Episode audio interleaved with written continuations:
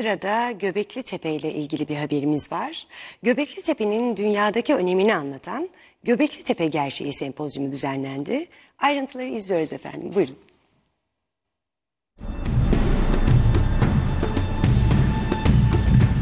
...2019'un Cumhurbaşkanlığı tarafından Göbekli Tepe yılı olarak ilan edilmesinin ardından gerçekleştirilen etkinlikler çeşitli mekanlarda devam ediyor. Üsküdar Üniversitesi'nde düzenlenen Tarih Yeniden Yazılıyor Göbekli Tepe Gerçeği Sempozyumunda tarihin sıfır noktası olarak anılan Göbekli Tepe'nin geçmişi ve önemi anlatıldı.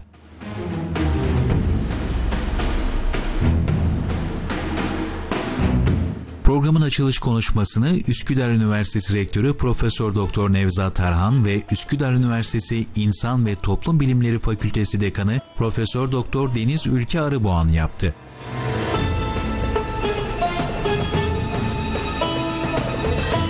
Göbekli Tepe'deki e, bulunan e, yeni ezber bozucu bilgilerden sonra bizim e, psikiyatri kitaplarına girmeye başladı bu.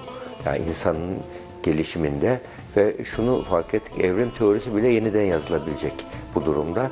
Yani Göbekli Tepe'de aslında 12 bin sene önce e, başlayan bir tarih var ve Neolitik çağı tarihi ve burada çanak çömlek gibi birçok e, tarım dönemiyle ilgili hiçbir bir eser yok. Yani tarım dönemi öncesi ciddi bir medeniyet var. E, çeşitli mitolojik hikayeler yazılmış taşların üzerine. Bu mitolojik hikayelerin olması demek orada toplumsal bir hafızanın olduğunu ve orada bunların e, bir insanların artık ilkel bir şekilde yaşamadığını, toplumsal olarak yaşamaya başladıklarını ve 12 bin sene önce bile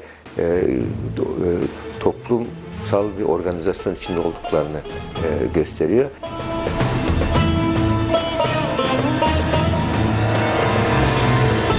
2019'un Göbekli Tepe yılı ilan edilmesi Türkiye'nin tarihi değerlerini dünyaya tanıtabilmesi için iyi bir fırsat olarak değerlendiriliyor.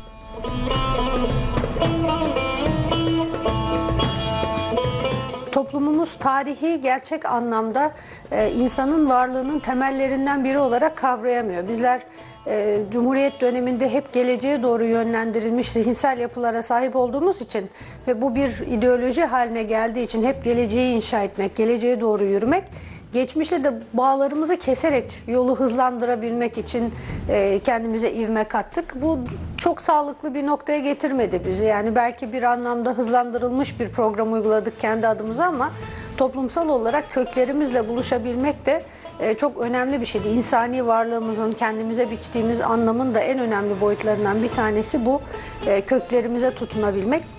Bugün Türkiye Cumhuriyeti topraklarında yaşayan insanlar olarak Göbekli Tepe gibi bir bütün insanlığa ait mirası korumakla, değerlendirmekle ve e, paylaşmakla yükümlüyüz.